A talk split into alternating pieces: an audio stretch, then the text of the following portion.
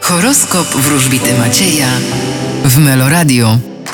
Baran, Postawcie na siebie i nie za bardzo ufajcie innym. byk, Wy będziecie wdrażać to, co ma związek z pracą. bliźnięta, Wy również będziecie inwestować w to, co materialne. rak, Wy będziecie doszkalać się i zdobywać jakąś wiedzę. lew, Wy będziecie rządzić, dominować i w życiu codziennym, i generalnie. panna, Świat leży u waszych stóp, pamiętajcie o tym. waga, Wy będziecie kierować się uczuciami, wspomnieniami i emocjami. skorpion, Wy będziecie pędzić przed siebie.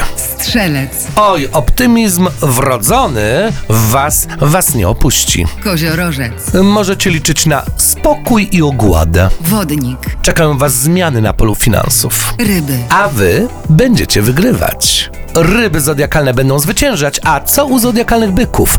Walet Monet to jest ta karta, którą wylosowałem dla wszystkich zodiakalnych byków. A wiecie o tym, że byk w astrologii oznacza gromadzenie, ym, posiadanie.